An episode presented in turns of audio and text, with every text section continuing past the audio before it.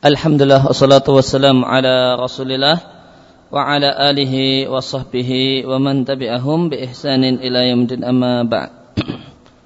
Bapak dan Ibu kaum muslimin dan muslimah, jamaah Masjid Al-Hidayah rahimani wa rahimakumullah. Kembali kita lanjutkan pelajaran salat dari uh, penjelasan hadis tentang dialog uh, malaikat Jibril dengan Rasulullah sallallahu alaihi wasallam. Kita poin pada kita masuk pada poin pembahasan tentang syarat sah salat di antaranya adalah toharah. Fala budda min at-taharati fi hadhil mawadi' ats maka orang yang salat tidak boleh tidak harus membersihkan tiga hal ini yaitu membersihkan badannya, pakaiannya dan tempat salatnya dari najis. Adapun pakaian yang digunakan untuk sholat maka perlu bersih dari najis karena Nabi Shallallahu Alaihi Wasallam memerintahkan para wanita yang mereka sholat dengan menggunakan kain yang kain tersebut mereka pakai saat mereka haid dan boleh jadi ada darah haid yang melekat pada pakaian tersebut maka Nabi perintahkan perempuan agar menghilangkan darah eh, menghilangkan darah dari bagian kain yang terkena darah haid. Nabi perintahkan untuk tahukkuhu bidhufriha untuk dikerik pakai kuku tentu darah haid yang kering. Kemudian eh, diperas atau di eh, ya, kemudian diperas dengan menggunakan eh, jarinya atau digosok-gosok dengan dua jarinya itu jempol dan uh, dan telunjuk kemudian diguyur dengan air. Ya, maka itu di antara demikian dalam satu hadis yang diatkan oleh Al Bukhari dan Muslim. Ya, maka keadaan di masa silam di mana para sahabat secara umum adalah kondisi ekonominya pas-pasan, maka mereka gunakan, uh, ya, maka mereka memiliki kain yang digunakan, ya, yang dipakai ketika haid dan boleh jadi kain tersebut terkena darah haid. Nah, meskipun uh, kain itu terkena darah haid, namun tidak boleh tidak harus dipakai lagi. Maka Nabi Shallallahu Alaihi Wasallam memerintahkan agar dikerik pakai kuku, Ini, dikerik dengan kuku, artinya dibersihkan sebersih bersihnya. Ini, tentu dikerik dengan kuku ini menunjukkan bahwasanya ya, meskipun itu sangat sedikit, tetap harus dibersihkan. Maka dari kalimat ini dikerik dengan kuku, maka sejumlah umat, uh, ulama menyimpulkan bahasanya ya, untuk darah haid itu adalah darah yang najis dan tidak dimaafkan meskipun sedikit. Ya, lain halnya dengan darah non darah haid, maka jika sedikit dianggap ya sudah tidak apa-apa.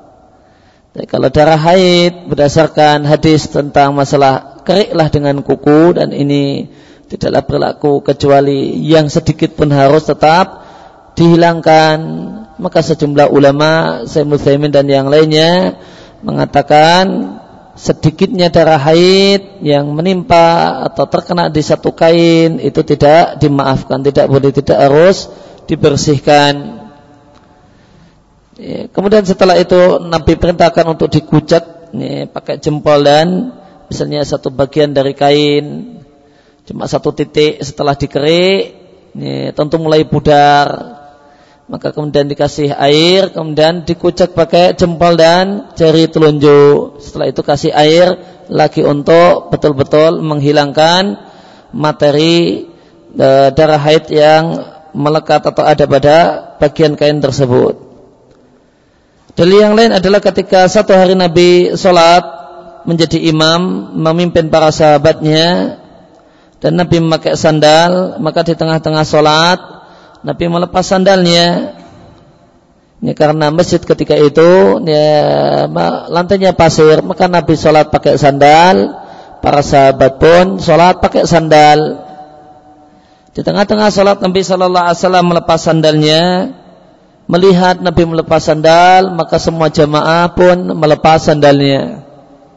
Ya, dan demikianlah itiba, demikianlah semangat para sahabat untuk mengikuti Nabi. Mereka tidak tahu Nabi ini kenapa ngelepas sandal, namun karena Nabi kok di tengah-tengah sholat lepas sandal, maka mereka pun melepas sandal. Falamma salama setelah Nabi mengucapkan salam, Nabi bertanya kepada mereka para sahabat, kenapa kalian ikut-ikutan melepas sandal? Maka para sahabat mengatakan kami melihat anda melepas sandal, maka kami pun melepas sandal kami. Maka Nabi kemudian menceritakan bahasanya tadi di tengah sholat Jibril datang kepadaku dan menceritakan kepadaku kalau di sandal tersebut ada najis. Maka hadis ini dalil menunjukkan bahasanya labuda min istina bin najasah tidak boleh tidak harus menjauhkan najis fil malbus dari benda-benda yang dipakai oleh orang yang mengerjakan sholat. dan uh, dan hadis ini dalil bahasanya sebagai uh, ketika seorang itu membawa najis dalam sholat dan uh, dan dia baru tahu kalau ada najis bersamanya setelah selesai sholat. Atau dia sebenarnya sudah tahu kalau ada najis di badannya namun lupa dan baru ingat setelah selesai sholat maka sholat tidak perlu diulangi. Karena Nabi Shallallahu Alaihi Wasallam ketika sandalnya itu bernajis, eh, Jibril cuma menyuruh untuk mencopot sandal dan Nabi melanjutkan sholatnya dan tidak mengulangi dari awal. Anggap saja itu misalnya sholat duhur atau asar, eh, maka baru dapat dua rakaat, tapi kemudian mencopot sandal, kemudian lanjut, tidak diulangi. Ini menunjukkan bahasanya adanya najis di selama dua rakaat tadi tidak membatalkan dua rakaat tersebut. Sehingga Nabi cuma terus saja karena Nabi tidak tahu. Sehingga orang yang tidak tahu kalau di badannya ada najis dan tahu-tahu setelah selesai sholat, maka sholatnya sah dan tidak perlu diulangi dari awal. Demikian juga orang yang tahu kalau di badannya ada najis, kemudian lupa dan sholat dan ingat kalau ternyata di badannya ada najis setelah selesai sholat, maka juga sholatnya sah dan tidak perlu diulangi. Demikian juga perlu bersihnya tempat sholat. Dalilnya adalah seorang Arab Badui yang datang di masjid Nabawi ketika itu dan kencing di salah satu pojok masjid. Karena masjid lantainya pasir. Nah, maka dia lihat ini satu tempat yang nyaman untuk kencing. Maka dia kencing di salah satu bagian dari masjid Nabi Shallallahu Alaihi Wasallam dikarenakan dia adalah orang Arab Badui. Dan orang Arab Badui itu al-ghalib alaihim al-jahal. Dominan pada diri mereka ya, berbuat seenaknya dan kebodohan. Maka para sahabat yang melihat ada orang yang kencing di pojok masjid maka pada teriak dan e, melarang mereka dan melarangnya dan memerintahkan untuk menghentikan kencingnya. Akan tapi Nabi Shallallahu Alaihi Wasallam seorang yang bijak malah melarang sahabat yang melarang malah melarang sahabat yang melarang dengan Nabi katakan biarkan dia menyelesaikan kencingnya. Karena jika dihentikan eh, jika dipaksa untuk berhenti tentu berbahaya. Karena ketika dia diminta untuk berhenti pada lagi asik-asiknya kencing maka ada dua kemungkinan. Dia berhasil menghentikan kencingnya dan ini membahayakan kesehatannya. Atau dia tidak berhasil menghentikan kencingnya namun karena dibentak-bentak airnya dia lari. Larinya, larinya boleh jadi malah keliling masjid. Nah, maka satu masjid kena najis semua. Maka di sini terdapat kaidah ihtimalu akhafid dararain. Ya, maka terdapat dari dari hadis ini kaidah penting dalam syariat. Nah, hendaknya bersabar dengan yang e, mengambil dan bersabar dengan madarat yang lebih ringan. Bersabar dengan madarat yang lebih ringan. Maka Nabi ajari para sahabat untuk bersabar dengan madarat yang lebih ringan daripada dipaksa dia supaya berhenti ternyata dia tidak berusaha berhenti maka lari-lari nah maka najisnya akan ke mana-mana maka biarkan dia uh, kencing ya, namun najisnya cuma di situ saja.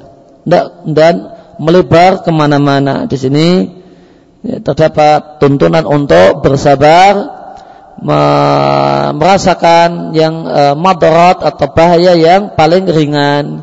Ketika dihadapkan pada dua pilihan dan tidak ada pilihan yang ketiga ya, ini bahaya kecil itu bahaya besar dan tidak ada pilihan yang ketiga maka Islam mengajarkan kepada kita untuk bersabar dengan pilihan yang bahayanya paling ringan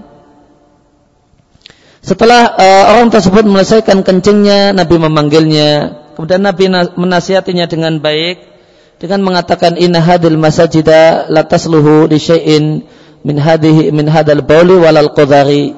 Sehingga masjid itu tidak layak dikotori pakai kencing apalagi pakai berak. Inna hiya li dzikrillah azza wajal wa salati wa qiraatil Qur'an. Hendaknya masjid itu diisi dengan mengingat Allah azza wajal, kegiatan salat dan membaca Al-Qur'an. Maka si orang Arab Badu ini sangat terkesan dengan cara Nabi yang bijak Ya, dan tidak terkesan dengan cara para sahabat yang meneriakinya ya, dan e, melarang-larangnya. Maka dia sangat terkesan dengan cara Nabi yang bijak. Maka setelah itu dia pun berdoa Allah marhamni wa Muhammadan wa la tarham ma'ana ahadan. Ya Allah sayangilah aku plus Muhammad yang lain jangan kau sayangi. Yang uh, yang neriain aku ketika aku pas kencing. Nggak usah disayangi ya Allah cukup kau sayangi aku dengan Muhammad saja ya, uh, kenapa dia mengucapkan demikian? Yang lain nggak usah disayangi karena para sahabat yang lain itu uh, melarang-larang dia untuk untuk kencing. Sedangkan Nabi Shallallahu Alaihi Wasallam ya menasihatinya dengan lembut. Fadhanna maka dia mengira bahasanya kasih sayang Allah itu sempit dan tidak cukup untuk semua orang. Ya, sehingga dia pun mengatakan, Ya Allah sayangilah aku dan Muhammad dan janganlah engkau sayangi yang lain bersama kami. Maka Nabi Shallallahu Alaihi Wasallam disebutkan kalau Nabi Shallallahu Alaihi Wasallam menegur doa orang ini dengan mengatakan Eh, lakot hajar tawasian sehingga engkau telah menyempitkan sesuatu yang longgar ya akal Arab bahai orang Arab Badui lalu Nabi Shallallahu Alaihi Wasallam memerintahkan agar dituangkanlah uh, danubun min main satu ember berisi air dituangkan ya, pada kencing si Arab Badui ini adalwu danabun itu semisal adalwu itu ember dalam rangka untuk membersihkan tanah tempat sholat. Ya, maka tanah e, tanah tempat sholat ketika tanah tersebut pasir atau tanah alami sebagaimana di, di halaman rumah kita ketika ada najis misal e, kencing ada anak ngompol di halaman rumah misalnya ada anak kencing di sana maka cara untuk membersihkan tanah tersebut dari najis ada cara lambat dan cara cepat. Cara cepat ya, sebagaimana yang Nabi lakukan hal ini ambil satu ember air kemudian menyiramkannya. Adapun cara eh, cara lambat adalah ya, membiarkan membiarkannya kena angin, kena sinar matahari, airnya kering, hilanglah matahari najis tersebut dan tidak tersisa sedikit pun. Itu cara lambat untuk membersihkan tanah atau pasir yang terkena najis. Tentu ketika najisnya adalah najis cair. Adapun jika najisnya adalah benda padat, ya, maka ya tentu ambil pacul. Ya, cara cepatnya ya ambil pacul, kemudian digaruk dan dibuang di uh, tempat yang semestinya. Namun uh, jika lantai jangan disiram pakai air ya. Kalau ada anak ngompol di lantai jangan disiram pakai air. Ya, nanti malah kemudian karena ya, lantai tidak menyerap air. Ya, sehingga ketika ada anak ngompol, ya, ada anak kecil ngompol di lantai keramik atau semacam itu, ya, maka hendaknya kita cari kain ya, kain yang kering kemudian kita taruh di situ sehingga dia menyerap ya, air kencing. Ya, kemudian kita uh, tentu ya, air kencing yang telah terserap ini kemudian bisa kita ya, kita peras kainnya tadi untuk kita bersihkan sehingga kain uh, sehingga hilanglah kita bawa ke kamar mandi uh, sehingga hilanglah uh, dan bersihlah kain tersebut. Nanti kemudian jika ya, masih kurang maka bisa cari kain yang yang lain yang kering untuk kemudian supaya betul-betul sudah maksimal terserap. Kalau sudah maksimal terserap baru kemudian kita bersihkan pakai kain ya, yang basah dengan sedikit basah. Ya, setelah setelah itu kemudian kita bersihkan dengan menggunakan kain kering. Maka kurang lebih ada tiga tahapan yang disarankan. Pertama adalah tahapan menyerap e, kasih kain kering supaya menyerap air kencing. Setelah itu dibersihkan dengan kain yang basah yang dengan namun tidak begitu basah, itu bukan basah kuyup. Setelah itu nanti kemudian bersihkan lagi pakai kain kering untuk proses yang terakhir. Dengan demikian kain ini atau lantai ini bersih. Kemudian berikutnya adalah taharatul badan, bersihnya badan dari najis. Terdapat dalam hadis yang diatkan oleh Bukhari dan Muslim dari Abdullah bin Abbas radhiyallahu anhuma eh, satu ketika Rasulullah sallallahu alaihi wasallam melewati dua kubur. Kemudian Nabi sallallahu alaihi wasallam mengatakan, "Innahuma la yu'adzabani wa ma yu'adzabani fi kabirin." Sesungguhnya keduanya sedang disiksa di alam kubur dan tidaklah keduanya disiksa fikabirin dalam satu perkara yang berat. Ya, fikabirin dalam hadis ini memiliki dua uh, dua penerjemahan. Bisa diterjemahkan dengan dan tidaklah keduanya disiksa dalam perkara yang berat atau sulit untuk ditinggalkan. Dan boleh juga diterjemahkan dengan dan tidaklah keduanya disiksa dalam perkara yang berat menurut anggapan keduanya. Ya, Tidaklah keduanya disiksa dalam perkara yang besar dalam pandangan keduanya. Dalam pandangan keduanya bukan masalah besar, padahal itu masalah besar di sisi Allah Subhanahu wa taala. Amma ahaduhuma yang pertama dia tidak yastatiru min baulihi melindungi diri dari percikan kencingnya. Dalam riwayat yang lain la yastabri'u minal bauli. Dia tidak membersihkan diri dari kencingnya. Kemudian orang yang kedua, fakana yamsi bin namimah, maka dia menyebarkan namimah atau menyebarkan adu domba. Wal iyadu billah. Ya, maka orang yang pertama ini la yastatiru min baulihi, dia tidak menutupi dirinya dari kencing.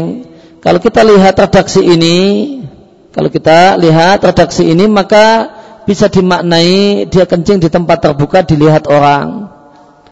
Atau yang dimaksud dengan menutupi itu adalah menutupi ya, badannya supaya tidak terkena menjaga badannya, menutupi dalam artian menjaga badannya jangan sampai terkena percikan air kencing.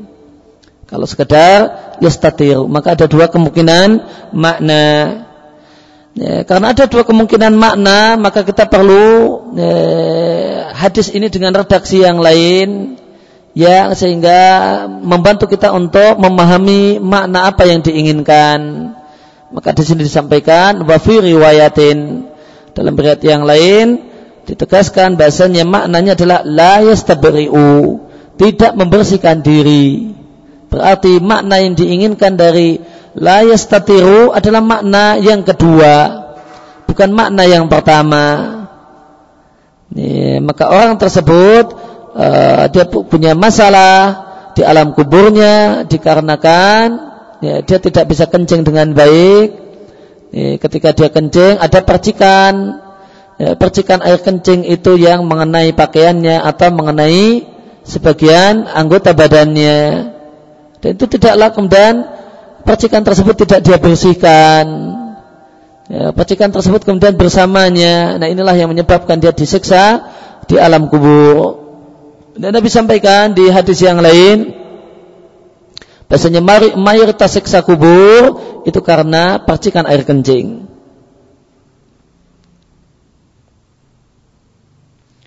Nah, dia eh, ketika di dunia dia merasa itu bukan masalah besar. Padahal ternyata itu masalah besar di sisi Allah Subhanahu wa taala sehingga dia mendapatkan azab siksaan di alam kubur gara-gara percikan air kencingnya. Atau kita katakan tadi sebenarnya dia bukanlah perkara yang besar dalam artian perkara yang berat untuk dihindari. Gampang saja untuk menghindarinya. Tinggal uh, ya, ya, ya dia kencing sambil jongkok atau kemudian cari tempat kencing yang sedemikian rupa sehingga posisinya aman dari percikan. Satu hal yang sebenarnya tidak sulit, bukan masalah besar untuk ditinggalkan, mudah untuk menghindarinya jika mau. Sedangkan orang yang kedua dia punya masalah di alam kuburnya karena melakukan namimah. Namimah uh, dalam bahasa Arab sering kita terjemahkan dengan adu domba. Meskipun ini terjemah yang tidak sempurna. Karena kalau adu domba itu biasanya bohong.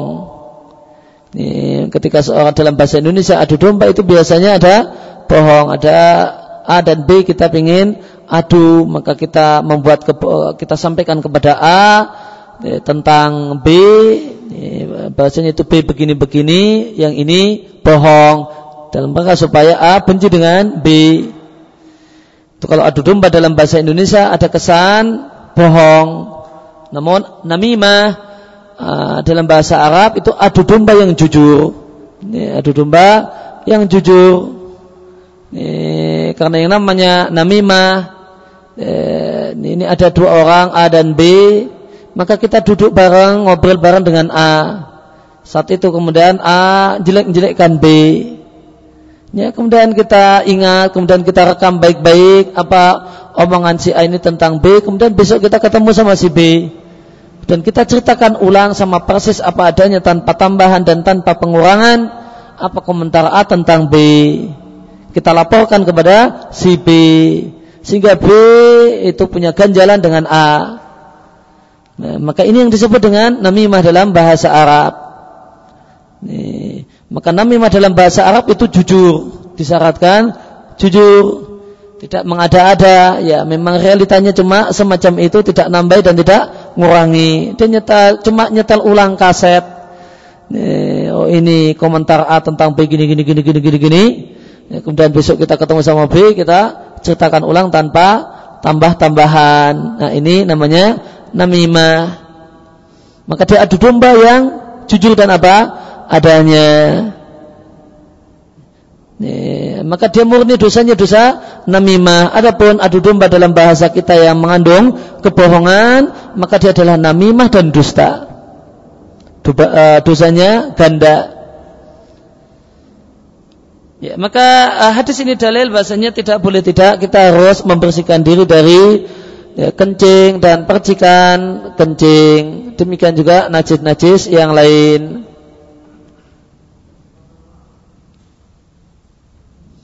Akan tapi lau furito seandainya kita andaikan ada seorang itu filbari di tengah-tengah perjalanan. Ya, filbari kalau dalam bahasa maknanya di tengah-tengah padang pasir.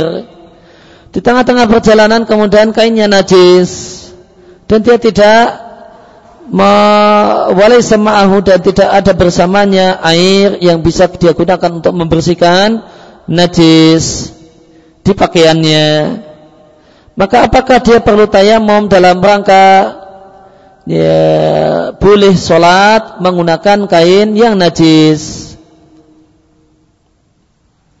Maka pendapat yang lebih tepat, pendapat yang lebih kuat, la yatayammam, dia tidak perlu tayamum. Demikian juga seandainya uh, badannya terkena najis, kakinya, tangannya, betisnya atau hastanya. Ketika dia tengah berada di tengah-tengah padang pasir, di tengah-tengah perjalanan, dan dia tidak membawa sesuatu yang bisa membersihkannya maka tidak perlu tayamum untuk sholat dalam keadaan badan membawa najis. Karena yang benar tayamum hanya dituntunkan untuk toharoh dari hadas. Adapun najis maka tidak ada tayamum untuk najis karena najis adalah benda yang kotor menurut syariat yang dibersihkan dengan cara dihilangkan jika hal tersebut memungkinkan.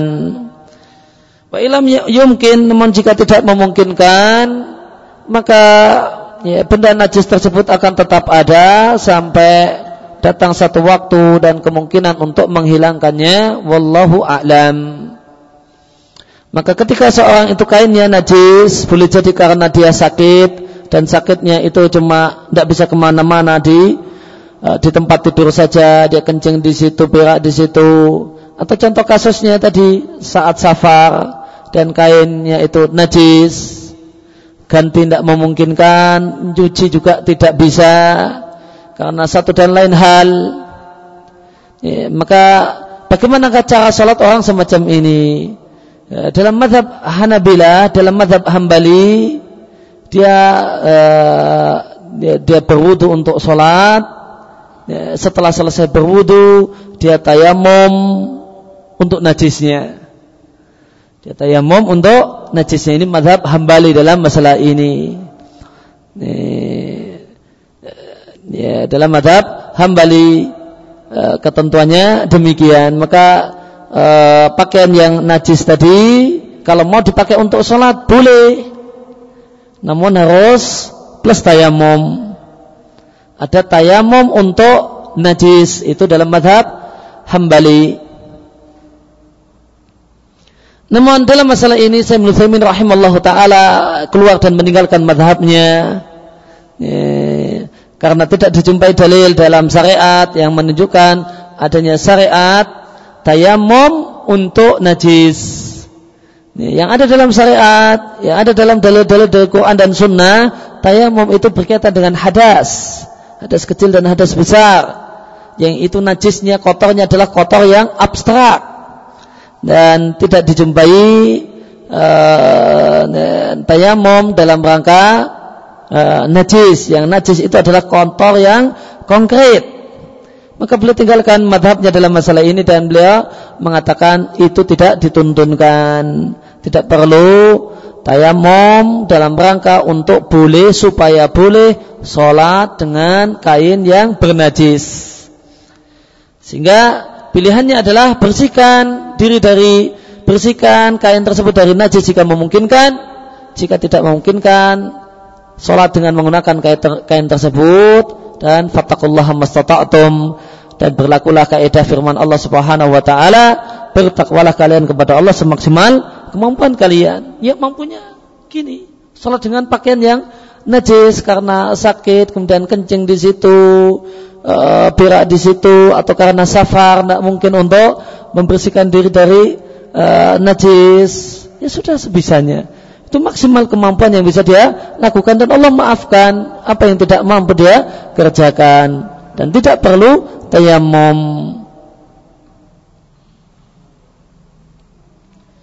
Kemudian beberapa uh, ketentuan berkaitan dengan mengusap khuf dan jabirah dan mengusap perban. Ya, eh, telah dijelaskan di uh, lembar yang lewat bahasanya toharah itu berkaitan toharah wudhu berkaitan dengan empat anggota badan, wajah, dua tangan, kepala dan dua kaki. Uh, maka wajah toharahnya dengan dibasuh tangan, juga dibasuh kepala cukup diusap dan kaki itu toharahnya bisa dibasuh bisa diusap tergantung kondisinya apakah kaki tersebut tertutup alas kaki ataukah terbuka Maka ada ada dua anggota badan yang dibasuh, satu diusap dan ada satu anggota badan yaitu kaki bisa dibasuh dan bisa diusap tergantung kondisi. Adapun wajah, fala mungkin maka tidaklah mungkin wajah ini tidak boleh cuma sekedar diusap. Diusap itu artinya ini ya, eh, cuma sekedar telapak tangan basah, kemudian digini-ginikan. Eh, ini tidak dituntunkan. Ini, maka tidak boleh tidak pada dasarnya wajah itu harus dibasuh. Artinya tangan itu penuh dengan air. Tidak sekedar mengandalkan air yang melekat di telapak tangan. Maka wajah tidaklah mungkin diusap kecuali jika ada jabirah jika ada perban di wajah atau ya, semisal laziqah lagi plester ya, karena ini ada luka kemudian di plester ya, yang untuk plester untuk satu luka dan semacam itu yang ada di wajah.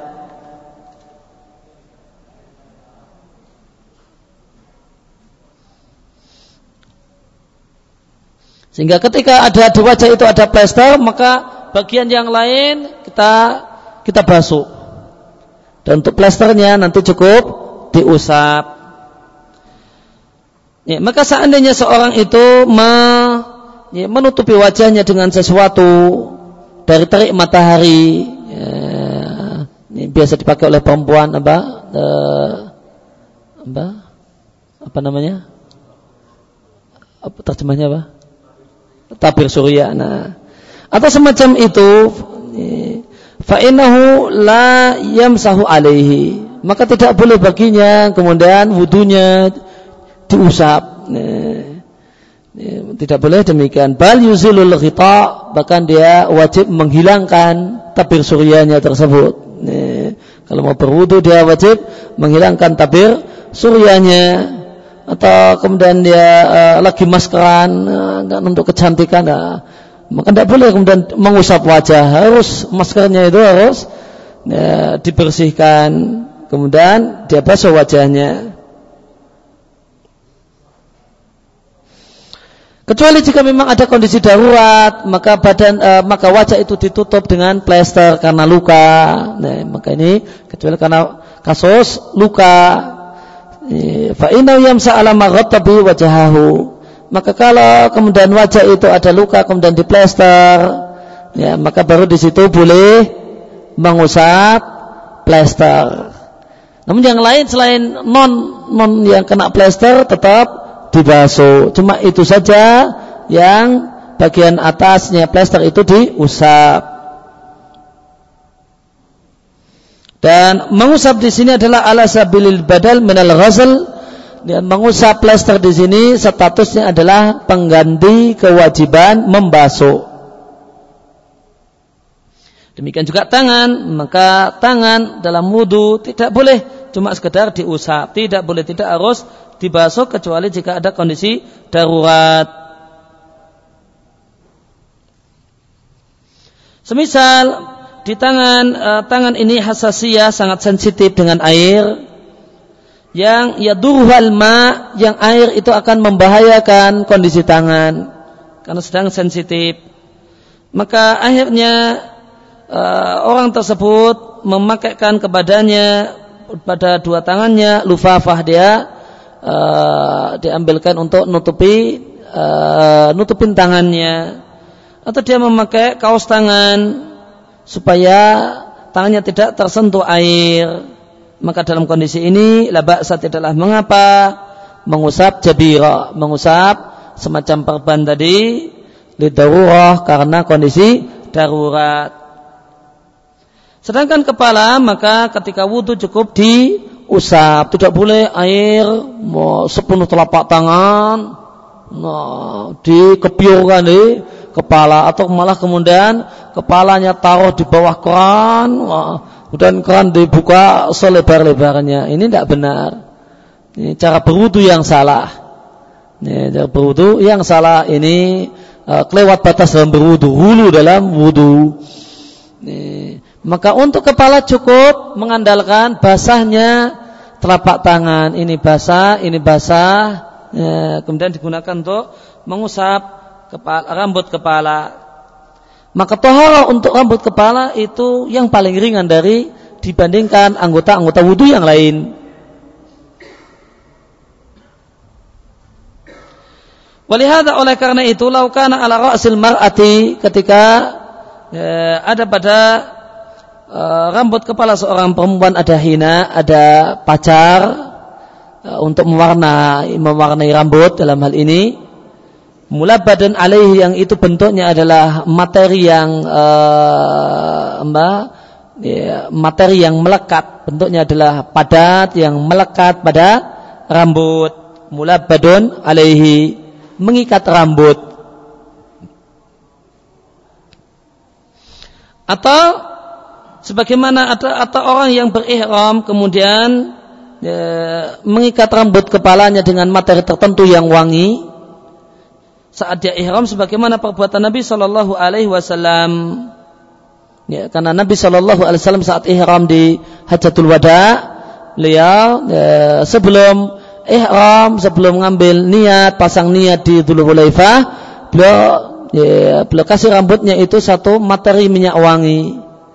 Yang minyak wanginya nampaknya semacam uh, padat.